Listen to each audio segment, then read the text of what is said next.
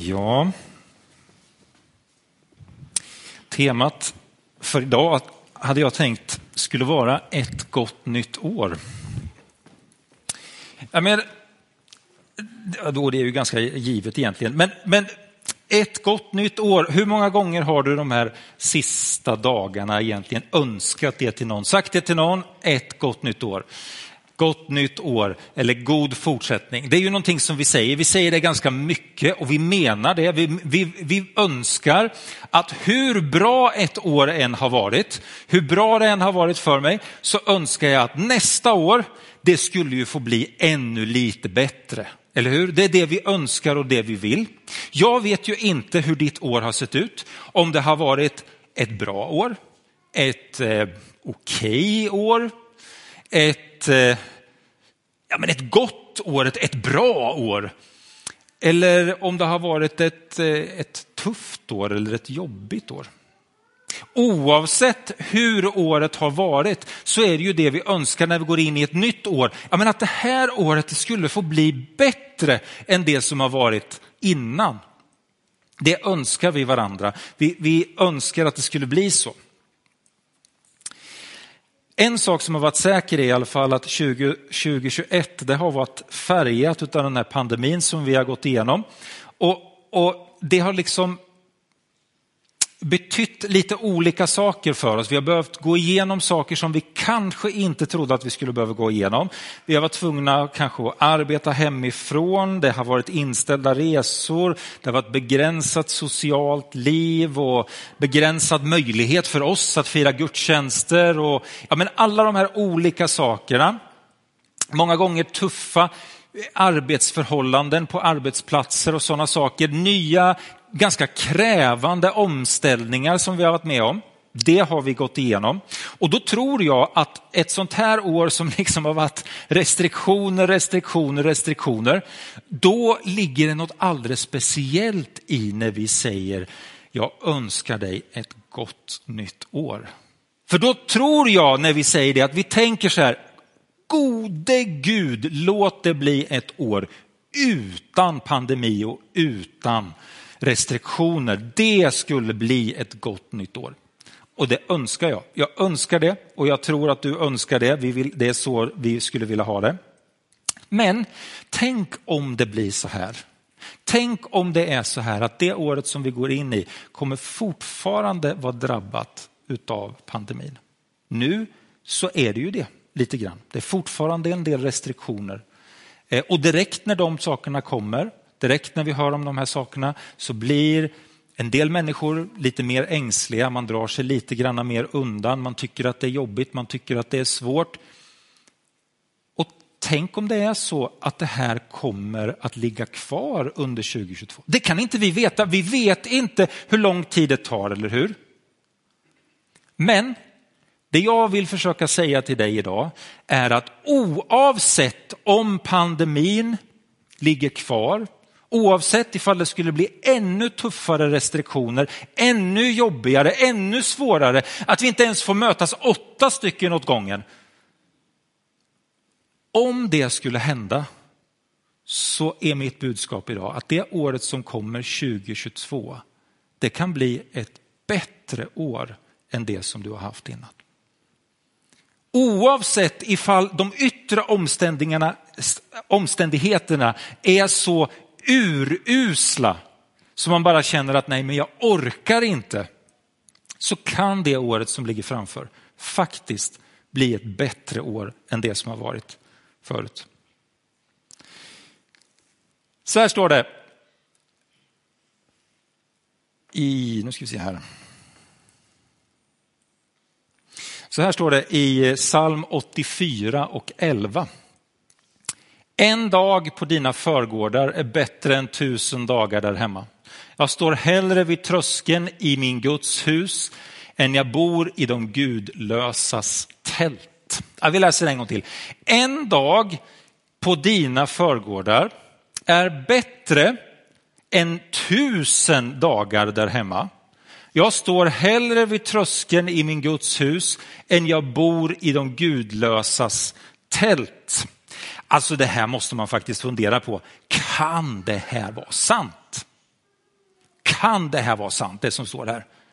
Tror du på det här egentligen, på, på riktigt? Jag menar att en dag på dina förgårdar, alltså i Guds tempel, alltså typ här i kyrkan, en dag där är bättre än tusen dagar när du är hemma. Tror du på det? Tror du att det är sant? Skulle du vilja byta ut det? Vi ska göra en liten undersökning här förstår ni. Nu ska vi se här. Titta här. Nej, nej, den har försvunnit. Vem ska vi se här? Nej, men titta, den har försvunnit. Ja ja, men vi kan göra den undersökningen i alla fall. Nu är det så här. Du har möjligheten idag. Gud kommer till dig och så säger han så här. Jag ska ge dig ett val. Du har två möjligheter. Den ena möjligheten är att du får en dag till i din livslängd. Och den dagen, den ska du få vara i kyrkan. Eller så ska du få tusen dagar till i ditt liv och den, det ska du få vara hemma. Då, då måste du vara hemma. Ja men, visst känns det svårt? Vad ska vi välja? En dag till i livet i Guds kyrka eller tusen dagar hemma? Nu är jag utanför bild här, nu ska jag, jag får inte röra mig så mycket. Okej. Okay. Jag tror att de flesta av oss tänker sig, men alltså allvarligt, det är klart att det är bättre att få tusen dagar och få vara hemma än att ha en dag när jag går till kyrkan. Det låter ju helknäppt. Det, det här, kan det här verkligen stämma? Tror jag verkligen att det är så att det är bättre att vara i kyrkan en enda dag än tusen dagar där hemma? Jag undrar det egentligen.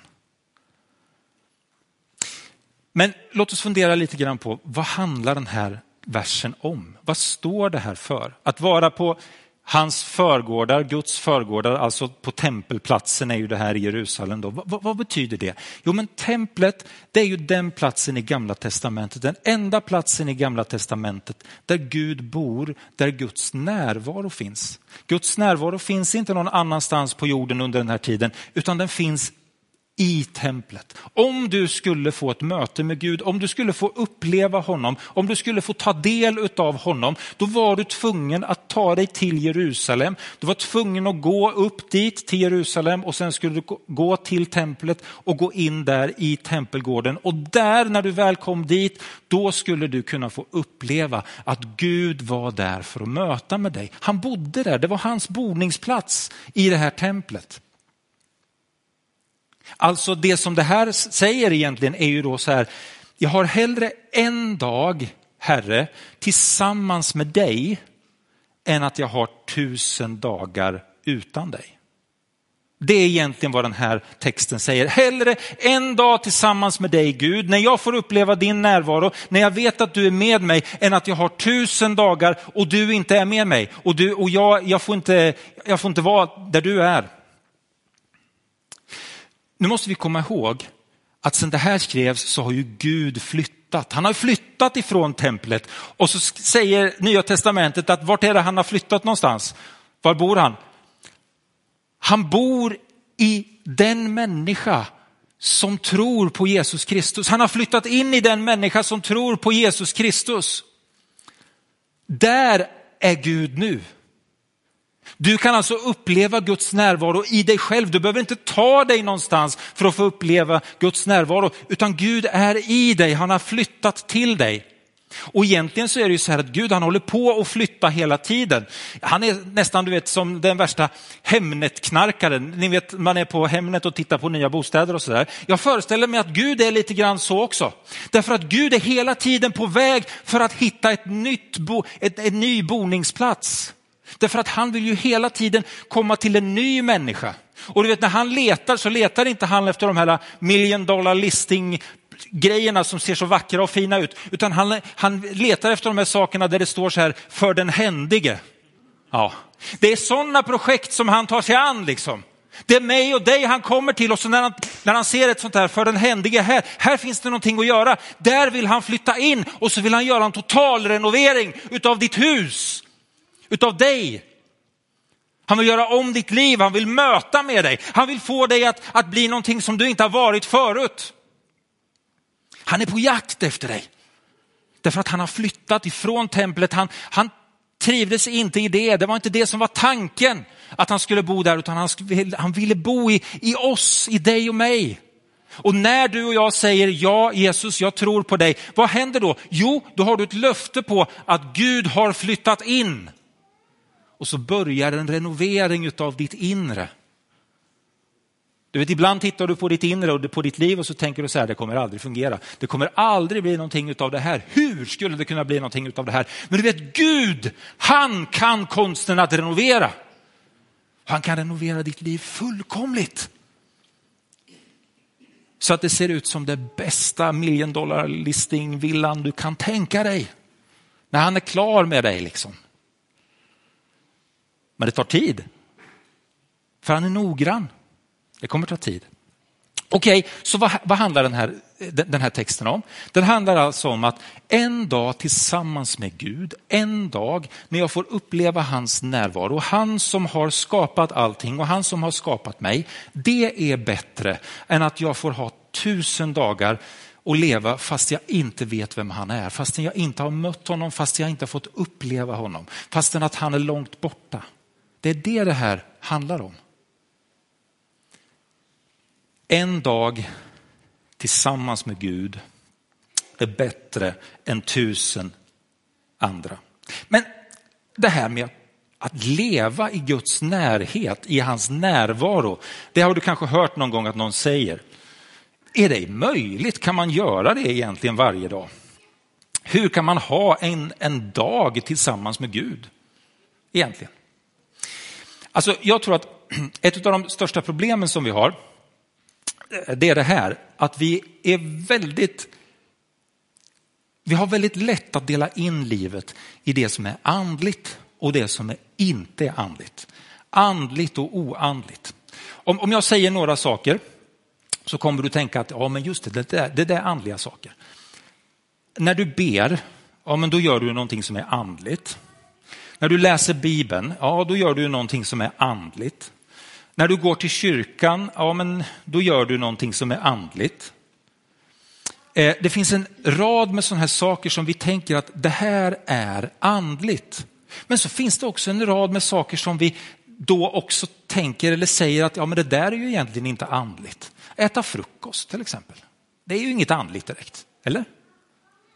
Cykla till jobbet. Vara i skolan. Arbeta. Eller ta sig en tupplur på lördag eftermiddagen. Det kan ju inte vara andligt. Eller?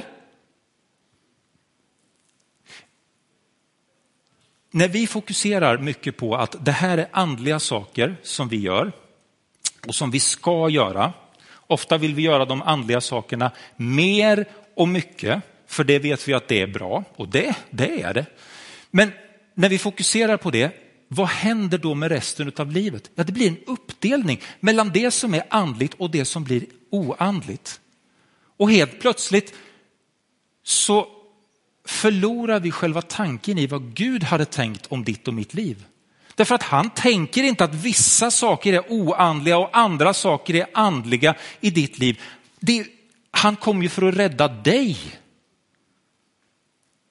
Visste du exempelvis att hebreiskan du vet det där språket som gamla testamentet är skrivet på. Hebreiskan, och då är det ju så här att eftersom det är skrivet eh, på hebreiska, då, gamla testamentet, så får man ju förmoda att när Gud pratade med dem så, så, så pratade han ju på hebreiska då, så att de förstod det. Och så skrev de det. Vet, vet du om det? Att i hebreiskan finns inte ens ett ord för andligt.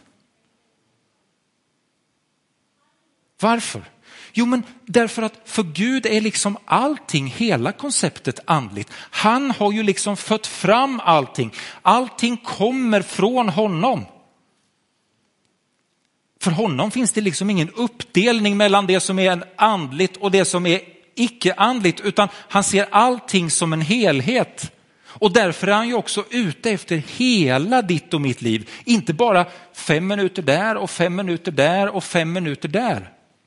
Utan grejen är den att Gud vill vara med dig precis överallt. När du cyklar till jobbet, ja men då är ju Gud med dig där. När du äter dina frukostflingor, ja men då är ju Gud där. När du tittar på Stryktipset eller vad det nu är du tittar på, så är Gud där. När du tar en tupplur, ja men då är Gud där. Han är med hela tiden. Livet ska inte delas upp i det som är andligt och det som är oandligt, utan livet ska ses som en helhet där Gud får vara med hela tiden. Det, det du och jag behöver tänka, alltså nu, nu ska jag säga så här. Det är klart att det finns saker som inte är bra att göra. Det är klart att det finns saker som vi ska hålla oss borta ifrån. Saker som liksom inte stämmer överens med, med det som Gud vill. Det är klart att det är så, men det är inte det jag pratar om nu. Utan, utan det jag pratar om nu, det handlar om att, att livet är en helhet för Gud. Och han tycker inte att vissa delar, då är du speciellt andlig och då är du speciellt bra. Därför att han kom ju för att rädda dig. Eller hur? Men betyder det då att vi inte ska be, att vi inte ska läsa Bibeln och att vi inte ska liksom gå till kyrkan? Nej, vi behöver ju alla de sakerna för att få hjälp med att leva våra liv så som Gud har tänkt det. Och det måste vi fortsätta med. Vi behöver det. Men däremot så behöver vi inte lämna bort Gud eller, eller föra bort Gud från resten av livet, utan Gud får vara med överallt. När man säger så här att ja, men, vi ska leva en dag i Guds närvaro, då tror jag att tanken ofta går till att ja, men, då ska jag ta en dag när jag är i bön och fasta. Då ska jag läsa Bibeln hela den här dagen eller jag ska åka på en retreat eller jag ska åka på, en, eh, på, på några bra möten som, som jag vet att det här, det här, är, det här kommer bli kanon. Eh, och så tänker vi att då har jag liksom varit en dag med Gud. Men du vet, alla dagar som ligger framför dig under det här året, det kan vara dagar när du är med Gud. Alla dagar kan vara andliga dagar och är andliga dagar därför att Gud är med dig. Men det du behöver göra, det är det här, att vara medveten om detta, att Gud är närvarande i ditt liv. Att Gud är med dig överallt där du går, i det du gör. Det står så här i Kolosserbrevet 3 och 17. Låt allt vad ni gör, låt allt vad ni gör i ord eller handling ske i Herren Jesu namn och tacka Gud Fadern genom honom. Låt allt vad ni gör, ja men det är ju, det är ju allt då. Diska, ja det är en grej som du gör inför Gud. Äta mat, ja det är en grej som du gör inför Gud. Köra bil, ja det är en grej du gör inför Gud. Alla saker som du gör i livet kan du låta, liksom överlåta till Gud. Det här är en uppmaning till oss, till dig och mig. Låt allt det du gör vara någonting där du ber till Gud om, som du tackar honom för, hela tiden. Och om det är så, ja men då är det inte så svårt att leva i Guds närhet. Då är det inte så svårt att vara medveten om att Gud är här just nu för att möta med dig.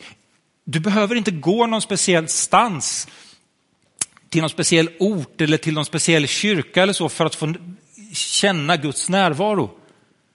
Utan Guds närvaro, det är där du är. Om du öppnar för honom och om du är medveten om att Gud är där. Det här tror jag är någonting som vi behöver öva oss på, att vara medveten om att Gud är närvarande. Eh, vad kan man göra mer då? Ja, kommunicera hela tiden. I första Tess 5 och 16 och 17 så står det så här, be ständigt och tacka hela tiden Gud. Gör så, det är Guds vilja i Kristus Jesus. Ja, men alltså det där är väl inte så enkelt. Be ständigt och tacka hela tiden Gud. Hur enkelt är det egentligen på en skala? Jag vet inte riktigt hur det är med det här med bön för dig.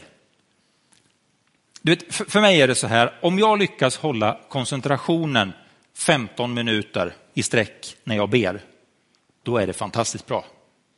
Det är riktigt bra gjort. Det är nästan så jag får klappa mig själv lite på axeln om jag lyckas med det. Därför att jag fungerar så att efter två, tre minuter så är jag borta någon annanstans. Du vet, man är inne och ber för, för någonting och så tänker man, hmm, vänta nu så här, falukorv, ja, det skulle vi kunna ha i eftermiddag. Ja, just det, nu skulle vi be. Ja. Och så fortsätter man att be lite grann. Och så tänker man, vänta nu, ja, just det, imorgon, ja. Jag undrar hur vi ska göra med det där. Ja, jag måste ringa till honom sen. Det får jag inte glömma bort. Och, sen, och, just det, och så tillbaka till bönen igen. Så är det många gånger för mig. Det är väldigt svårt att hålla tråden. Hur ska man då kunna be ständigt? Liksom? Det låter ju som en omöjlighet. Jag tror att det är ganska bra att ha tillfällen när man faktiskt ber och försöker liksom avsätta tid för att tala med Gud. Det tror jag är bra. Jag tror att du ska fortsätta med det. Men jag tror också att bönen kan bli väldigt mycket mer integrerad i ditt liv. Du vet, när du går upp på morgonen och så tänker du så här, du sätter dig upp och så tänker du så här, Jesus, ta hand om den här dagen. Och så går du och fixar din frukost och så säger du, tack Jesus för att jag får ha mat idag också. Tack för min familj. Tack för att du är med mig under den här dagen. Och så sätter du dig på cykeln eller i bilen då och så ska du till skolan eller arbetsplatsen och så ser du att det är en fantastisk soluppgång och, och du vet det bara gnistrar i träden så där vackert som det kan göra på, på vintern. Och så ber du Jesus, tack för naturen, tack för solen, tack för den här dagen, tack för att du har gett mig livet. Och så kommer du fram och så när du, när du kommer fram till där, dit du ska så ser du några stycken och så, så tänker du så här, Jesus, välsigna Anna och Benny idag. Jag ber att de ska få upptäcka vem du är. Och vill du Herre så ska jag försöka säga någonting till dig, till, till dem om dig idag. Och så går det vidare och så har du kanske ett matteprov. Du är i skolan, nu är jag i skolan. Du har ett matteprov och så tänker du, gode Gud, hjälp mig med det här matteprovet. Och så är han med dig. Och sen är det lunch och då ber du Jesus, tack för maten. Tack för mina kompisar som är med mig här. Tack för att du var med på det där hemska matteprovet. Du vet att om du gör så, ber små, små böner nästan hela tiden, bara för att du är påkopplad, därför att du vet att Gud är med dig precis där du är. Om du lever ett sånt liv, ja men då lever du ju så här. Då ber du ju ständigt. Och då tackar du ju också hela tiden Gud för det som han ger. Och det som händer med dig. När man, när man är medveten om att Gud är med i livet och när man också är där och liksom ber de här små bönerna, återkommer till att ja, just det, ja, men Gud är med. Jag vill säga någonting till honom nu. Det behöver inte vara så långt. Liksom. Då kommer du också märka att Gud faktiskt också vill, vill säga någonting till dig. Du kommer märka att Gud vill prata med dig också. Och det där tror jag nog att många av oss har, har exempel på mig. Och då är det så viktigt att man lyssnar och att man följer den här rösten. Jag ska berätta om en sak som hände mig för, vid ett tillfälle.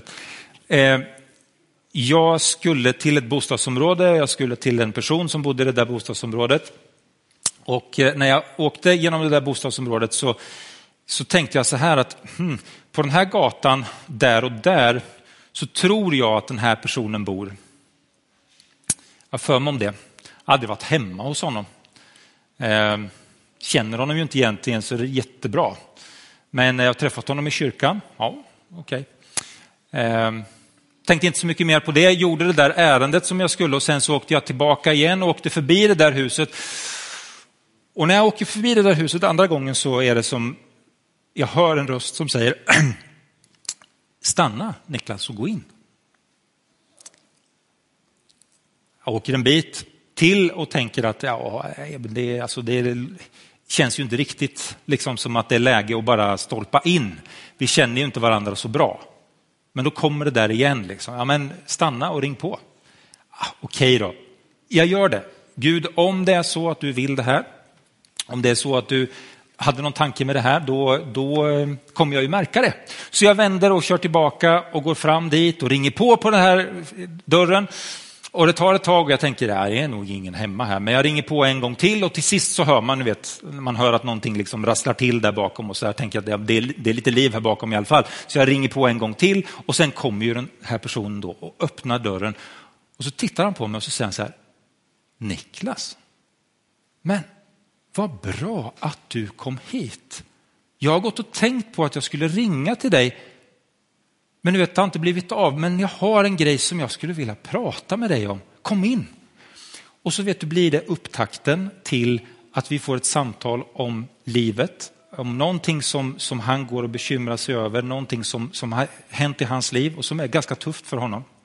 Och så får vi prata om det och vi får be tillsammans.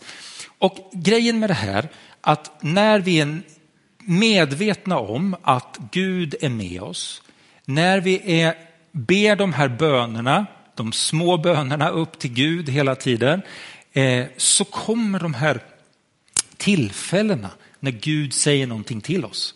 När han säger, eller påminner oss om någonting. Gör det där, ring till den, åk till den, skriv ett brev eller vad det nu är för någonting. Och Gud vill använda det där för att välsigna andra människor. Ett liv tillsammans med Gud, det är ett liv där du får säga saker till honom, men där du också får höra honom säga någonting tillbaka till dig. Inte kanske framför allt för, att, för din egen skull, men för att andra människor ska kunna bli välsignade. Så, jag ska dra mot slutet här nu då. Var medveten om Guds närvaro. Var medveten om Guds närvaro. Tänk att Gud är med dig i allt det du gör. Kommunicera med honom. Små, korta böner. Lite längre böner om du vill det ibland, men små korta böner går också bra. Och lyssna. Vad vill han säga? Vill han säga någonting till mig nu? För om vi gör det,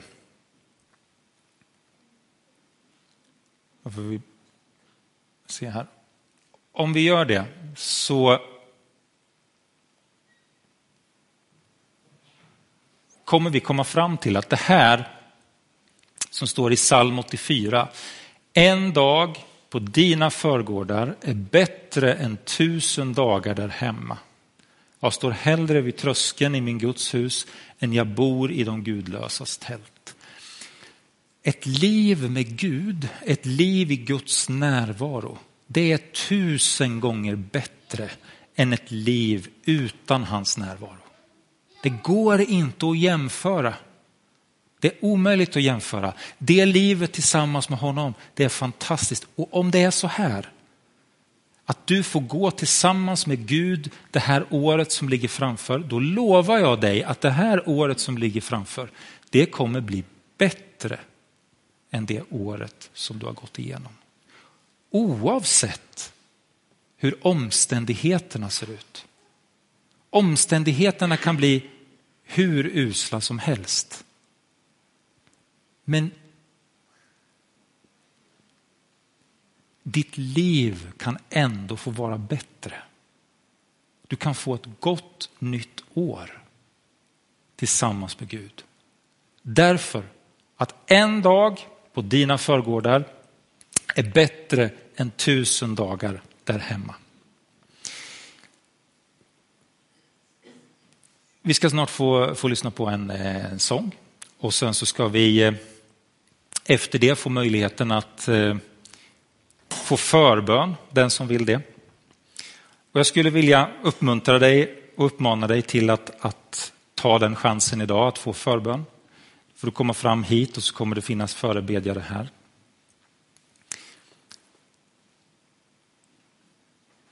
Guds närvaro kan upplevas på många olika sätt.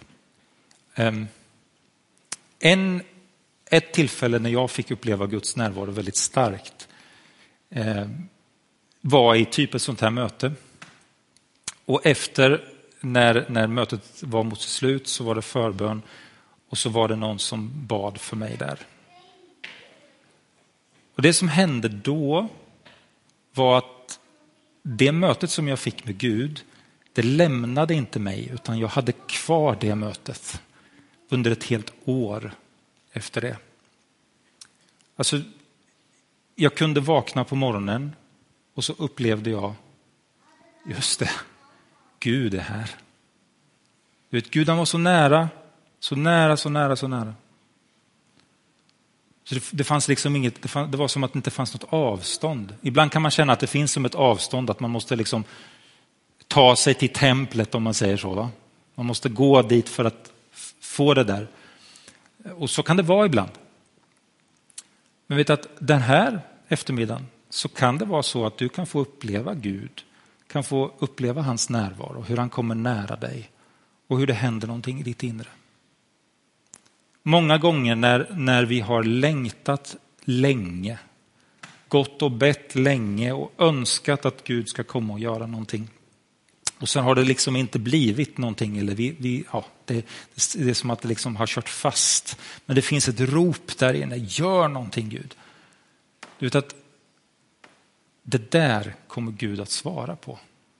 Om det är kväll, här i eftermiddag, eller om det är om en vecka eller om några månader, det kan inte jag avgöra. Men det jag vet är att Gud vill komma nära dig. Han vill att du ska få uppleva att Gud är här. Gud är här och om du tror på Jesus Kristus så bor han i dig.